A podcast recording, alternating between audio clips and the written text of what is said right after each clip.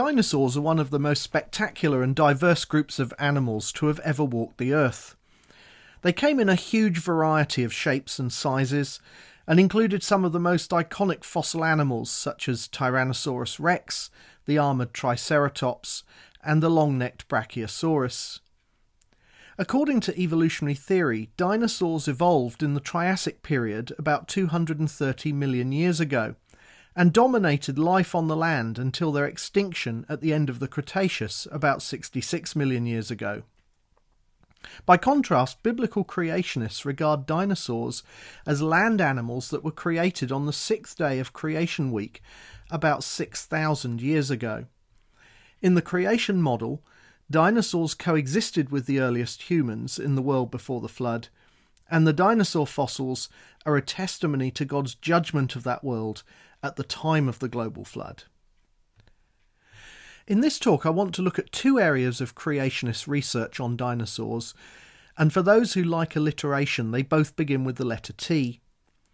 Firstly, I want us to think about taxonomy, the branch of biology concerned with classification, sometimes also called systematics.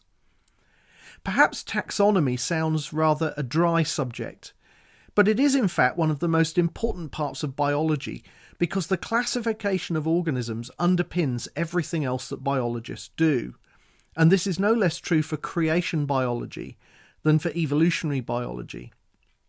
As creationists, we want to know which creatures belong to which created kinds. And discovering those created kinds gives us a foundation for everything else understanding what changes have taken place within the created kinds, how quickly those changes occurred, how many animals were on board Noah's Ark, and how those animals and their descendants repopulated the world after the flood, and so on. So, in the first part of my talk, I want to look at the work creationists have been doing to identify the created kinds, and in particular what we've discovered so far about the dinosaur kinds.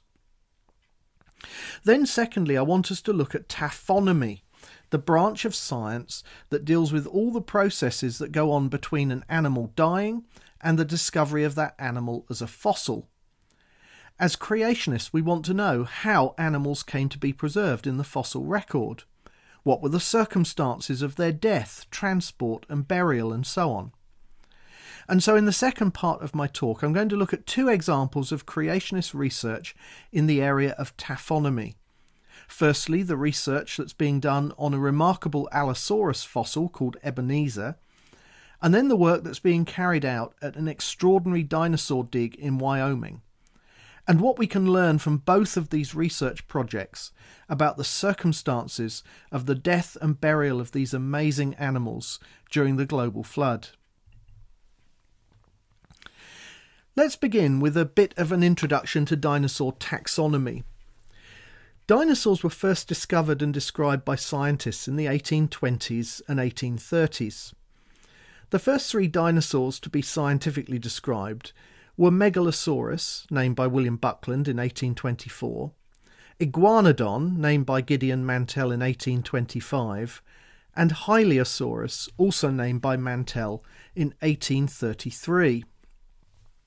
In 1842, Richard Owen, the great Victorian anatomist and founder of the Natural History Museum in London, demonstrated that these three reptiles shared features of the hip region that were lacking in all other reptiles.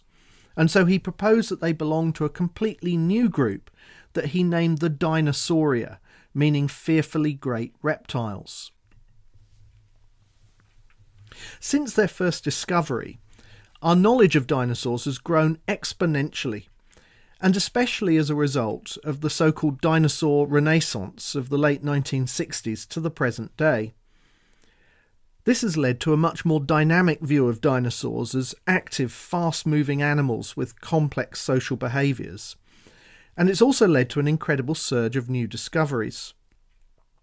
Today, there are more than 1,000 recognised dinosaur species, more than 85% of which have been named since 1990.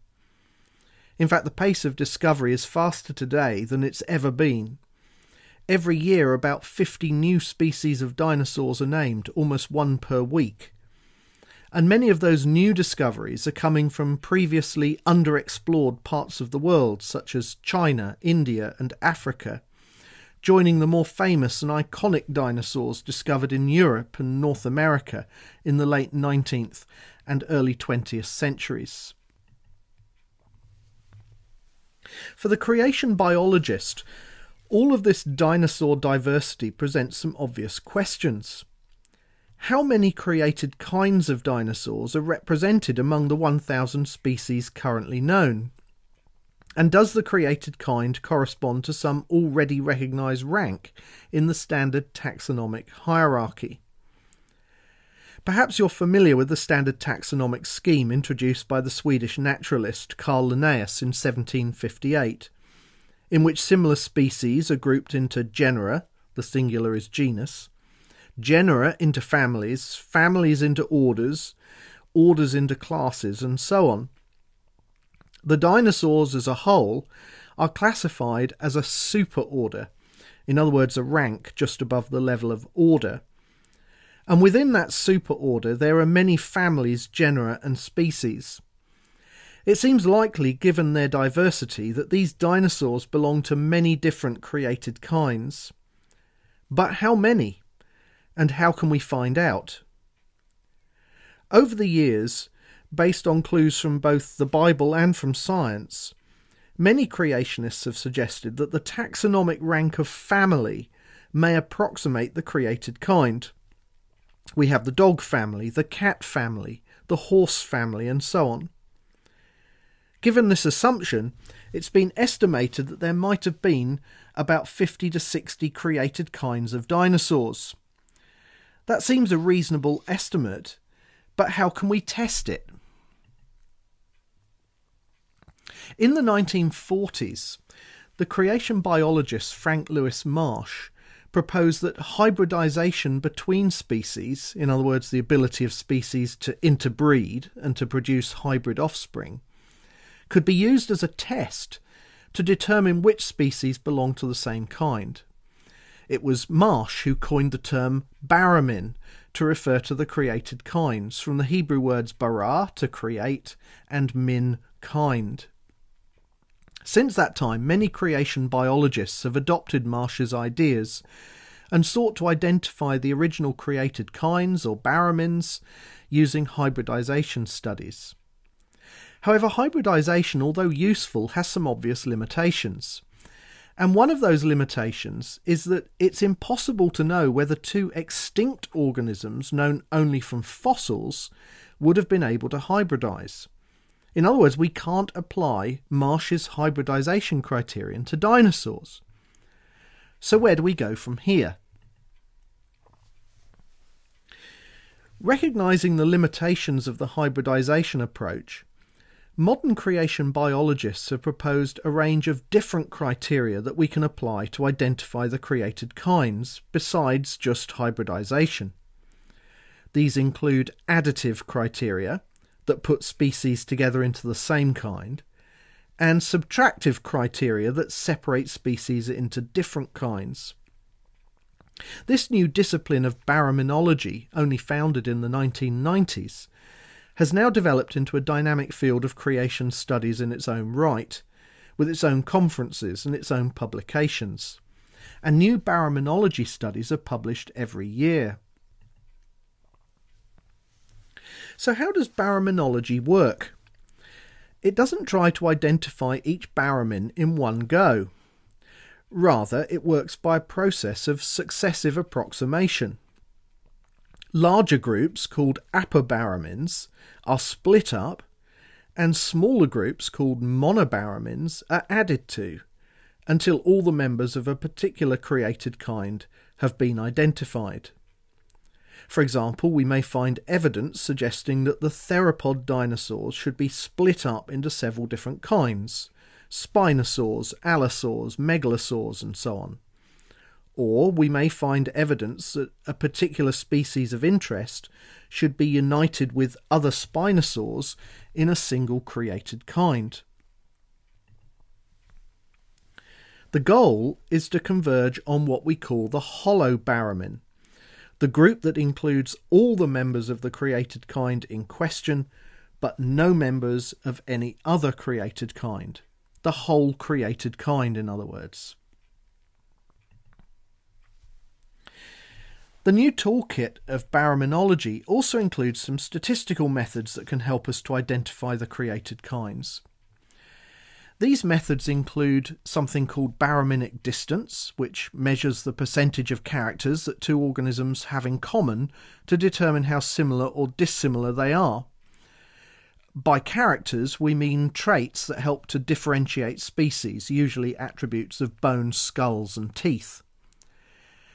And there's also something called multidimensional scaling, which is a clustering method that allows patterns of similarity and difference between organisms to be visualized in three dimensional space. Now, I'm not going to go into the details of these methods here, but there's plenty of literature available if you want to find out more. The point is that these methods, unlike hybridization, can be applied to fossil creatures as well as living creatures.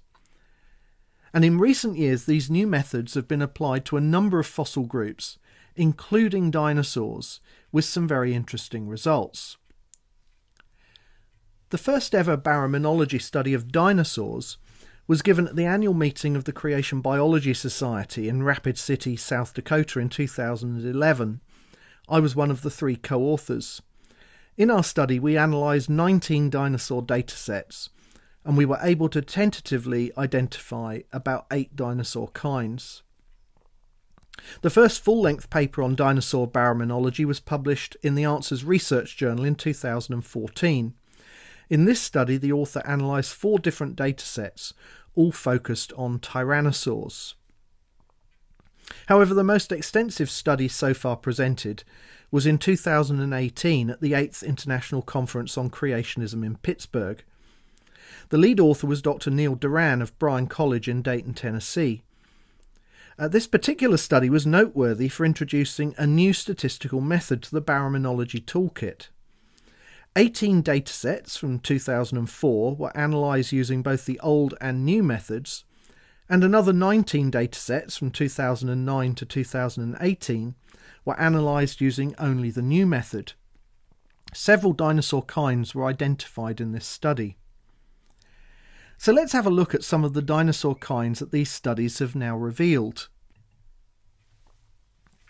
One of the identified kinds was the Stegosauria, which in the standard taxonomic hierarchy is a suborder, a rank between family and order. Stegosaurs walked on four legs and had thin bony plates along their backs and paired spikes on their tails, sometimes on their shoulders too. Stegosaurs ranged in size from 4.5 metres to 9 metres long. The head was typically small, with spoon shaped teeth and a hard beak at the front. They probably ate short, leafy plants and fruits. And our studies indicate that all the species in the stegosaur group belong to a single created kind. Another dinosaur kind was the Pachycephalosauria, also classified as a suborder in the standard taxonomy, somewhere between a family and an order. Members of this group are commonly referred to as bone headed dinosaurs because they had skulls with a bony dome, and often other types of head ornamentation such as spikes and nodules. Rival males may have butted heads with one another. Some were small, others were much larger, but again, they all seem to constitute a single created kind. A third created kind was the Tyrannosauroidea, which is classified in the standard taxonomy as a superfamily, in other words, a rank just above the level of family. The most famous member of this group is Tyrannosaurus rex, which was about 14 metres long and would have weighed 8 tonnes. Tyrannosaurs were mostly large animals with small arms and two fingers, although there were also smaller forms with longer arms and three fingers. But they all seem to constitute a single created kind. A fourth created kind was the Hadrosauridae, classified as a family in the standard taxonomic hierarchy. Hadrosaurs are sometimes known as duck-billed dinosaurs because of their wide toothless beaks, although in life the beak was probably covered in soft tissue. Hadrosaurs walked on two legs but held the body horizontally with the stiffened tail extended for balance. There were two main types the hadrosaurines with flat topped skulls, and the lambeosaurines with hollow head crests. They were probably members of a single created kind, although some have suggested they may represent two separate kinds. So, what can we say by way of summary? Well, so far, baraminologists have identified about 20 distinct dinosaur kinds. Our 2011 study identified about eight kinds, the 2014 study identified one kind, and the 2018 study identified at least 17 kinds. Note that the numbers don't add up to 20 because there was some overlap between the studies and they didn't always agree exactly on the conclusions to be drawn. However, this gives you some idea of the current state of knowledge. The total number of dinosaur kinds will, of course, be greater than this because some dinosaur groups have not yet been studied in detail or have so far given only inconclusive results. For example, more work is needed on the long tailed, long necked sauropod dinosaurs, and there are likely to be quite a few distinct sauropod kinds that will add substantially to this total. Another interesting point is that the results so far tend to confirm the earlier intuitions of creationists that the created kind is at or near the taxonomic rank of family. Sometimes it seems equal to a family, sometimes a bit higher in the ranking than a family, perhaps a superfamily or suborder, and sometimes a bit lower in the ranking, perhaps a subfamily. So the family seems a reasonable approximation. So we've made some encouraging first steps towards identifying the dinosaur kinds. And that's exciting because it will eventually allow us to answer many of the other questions that we have. But of course, there's still a great deal more work to be done. Well, let's turn now from taxonomy to taphonomy, the processes by which dinosaurs and other organisms came to be preserved in the fossil record. This slide shows a magnificent mounted skeleton of a full grown adult Allosaurus, one of the most iconic theropod dinosaurs. This is Ebenezer the Allosaurus at the Answers in Genesis Creation Museum in Kentucky and one of the museum's star exhibits since the 24th of May 2014. Ebenezer is 9 metres long and 3 metres tall, about average for its species. In life, it's estimated that this individual would have weighed more than 2 tons. And Ebenezer the Allosaurus has a fascinating story to tell. The partially complete skeleton of Ebenezer was discovered in the year 2000 by a creationist Dana Forbes on his land near Massadona in the Skull Creek Basin of northwest Colorado, and it was excavated between 2001 and 2002. 139 bones out of a possible 250 were recovered, so the skeleton is about 56% complete. One of the most remarkable aspects of this specimen is the skull, which at about 97% complete and almost one metre long is probably the largest and most complete Allosaurus skull ever found. The skull has 53 teeth, each averaging 11.5 centimetres long, including the roots. And in this specimen, even the delicate hyoid bones are intact. The hyoids are the bones that would have anchored the tongue and larynx muscles and helped with swallowing and vocalization. These bones are almost never found intact in fossils, so this is a very significant specimen. Over the last few years, creationists have been doing some very interesting research in connection with this world class specimen. Firstly, they've conducted a careful field investigation of the site where the skeleton was discovered to gather as much information as possible about how Ebenezer came to be buried and preserved there. Dr. Andrew Snelling, Director of Research at Answers in Genesis, and Dr. John Whitmore, Professor of Geology at Cedarville University in Ohio, along with some of Dr. Whitmore's students, visited the site in March 2014 to measure the rock section and to sample the dig site, and we'll take a look at what they found. Secondly, in November 2016, the Creation Museum had Ebenezer's skull scanned using computer imaging, which is also revealing more about the life and death of this remarkable animal. And thanks to Dr. Snelling at Answers in Genesis, I'll be able to show you some of those computer scans of Ebenezer's skull in this talk. So let's begin with the site investigation.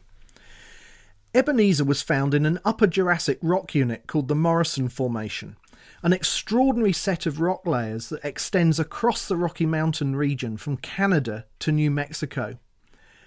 The Morrison covers more than one and a half million square kilometres and averages about 75 metres thick. Dinosaurs are found at many levels throughout the formation, and it's famous for its fossil graveyards including the Carnegie Quarry at Dinosaur National Monument in Utah. Many well known dinosaurs, such as Stegosaurus and Allosaurus, have been named from specimens excavated from the Morrison Formation. This photo shows the actual dig site in Moffat County, Colorado, where Ebenezer was recovered. The carcass was found lying on its left side on a steep slope the hip and limb bones, if originally present, would have been sticking out of the hillside and may have been eroded away.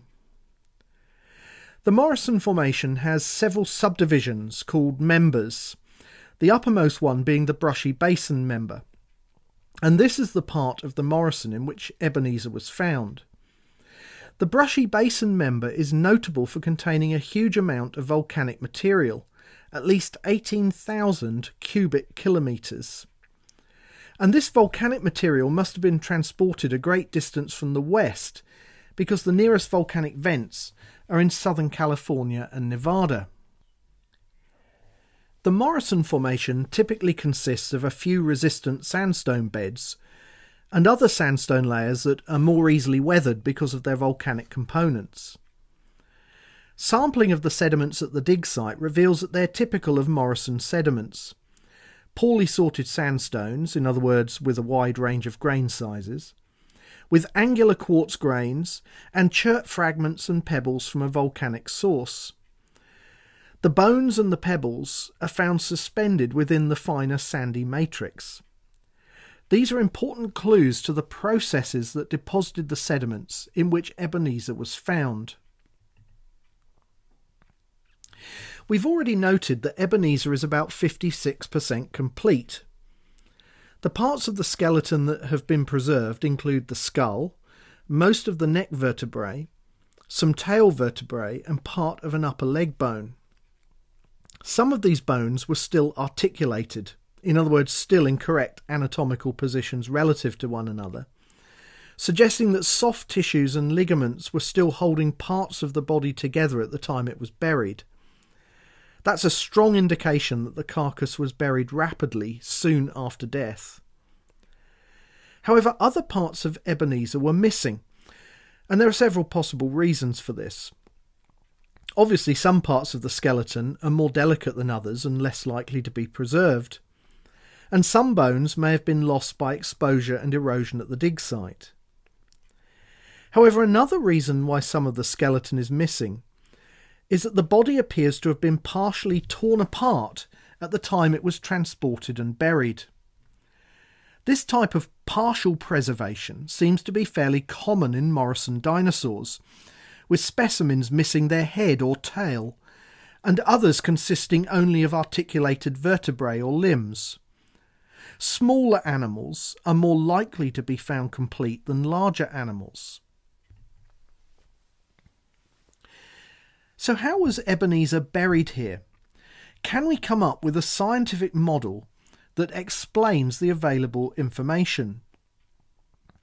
In the conventional long age model, it's often suggested that these dinosaurs died in dry stream beds during drought conditions, and that the carcasses were later transported and buried by flash floods. However, Dr. Snelling and Dr. Whitmore have proposed another explanation that seems to fit the data better. Their model suggests that at least some of the Morrison Formation sandstones were deposited as catastrophic mass flow deposits rather than by flash flooding. This explains features of the sediments at the dig site better, as well as features of the carcass itself. In this new explanation, massive volcanic eruptions to the west generated catastrophic debris flows that swept through this region at the time of the worldwide flood. Remember, a huge amount of the material found in these sandstone layers has a volcanic origin. The carcasses of animals that were caught up in these mass flows could have been transported intact, especially if they were small. However, shearing forces within the flow would have tended to rip larger carcasses apart. And this may explain why parts of Ebenezer, such as the middle of the body, are missing. Dr. Snelling and Dr. Whitmore plan to write up the results of their field investigation in the Answers Research Journal.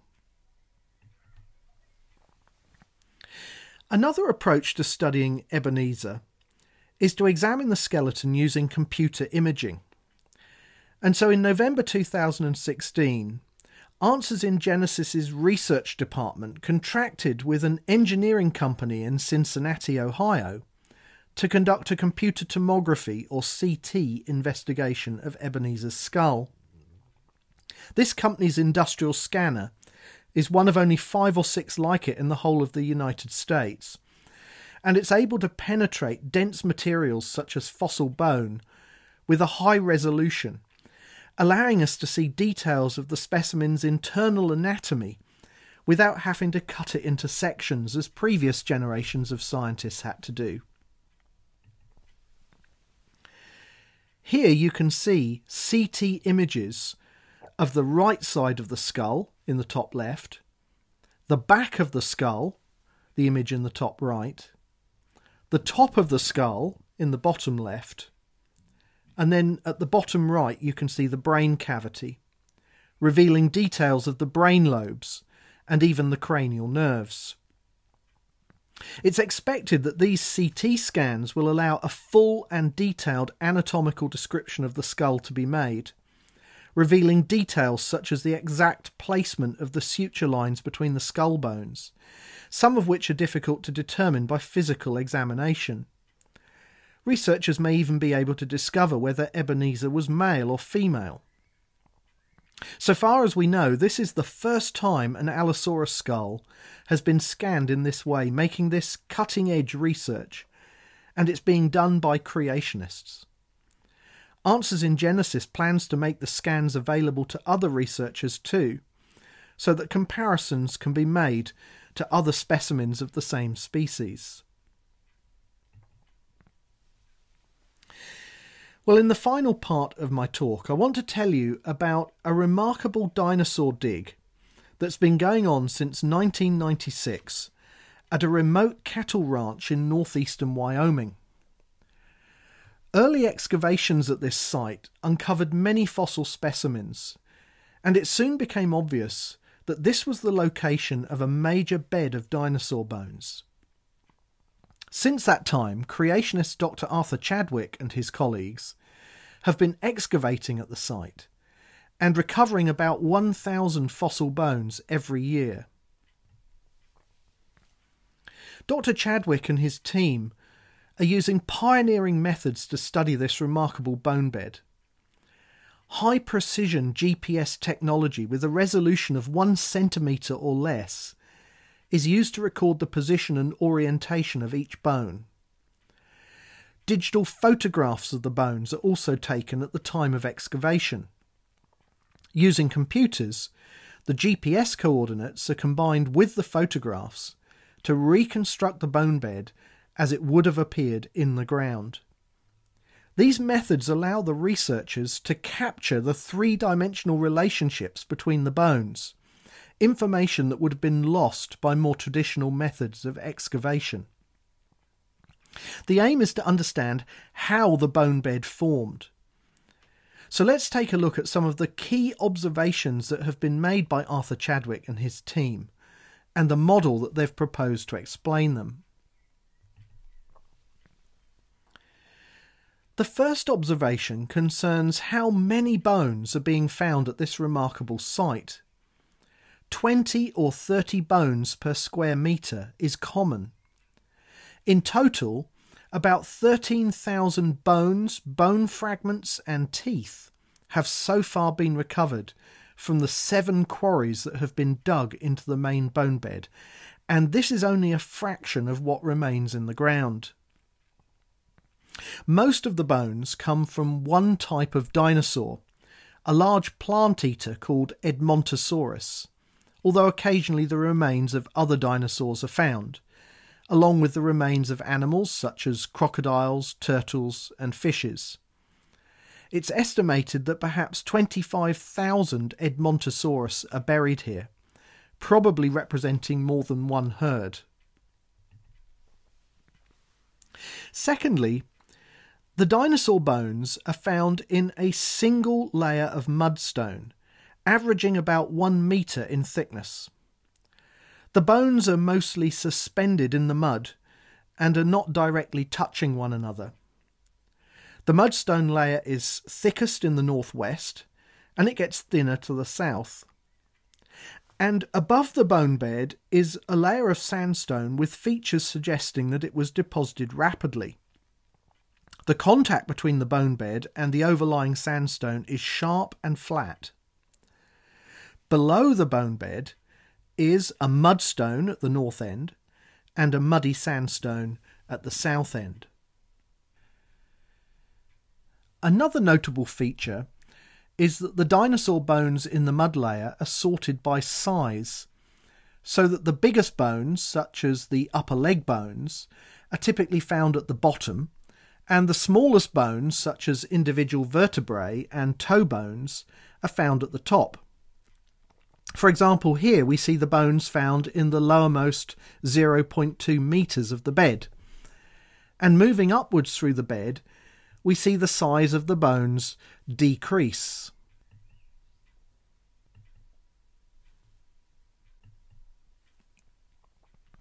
So that the smallest bones can be seen here in the uppermost 0.2 metres.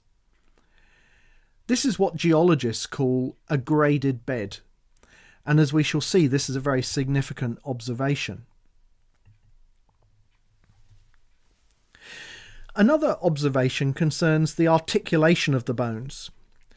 Occasionally, two or three bones are found in articulation, in other words, in the right anatomical positions relative to one another suggesting that they were joined together by soft tissues at the time they were buried. However, most of the bones are not joined together, and no entire skeletons have been found in the bone bed at all. A final observation. The bones show very little evidence that they were exposed to weathering or bleaching by the sun before they were buried. There are also few signs of damage caused by transport of the bones to the place where they were buried. There are, however, tooth marks on some of the bones, suggesting that the carcasses may have been scavenged before burial. And other bones have been broken, perhaps by being trampled upon by other animals. So, how can we put the clues together to work out how this remarkable bone bed was deposited? The bone bed is part of the Upper Cretaceous Lance Formation, an extraordinary rock unit that can be traced across much of Wyoming and has close equivalents in several other states. Conventional geologists think that the sandstones and mudstones of the Lance Formation were deposited slowly by freshwater streams that were meandering across a broad coastal plain about 66 million years ago.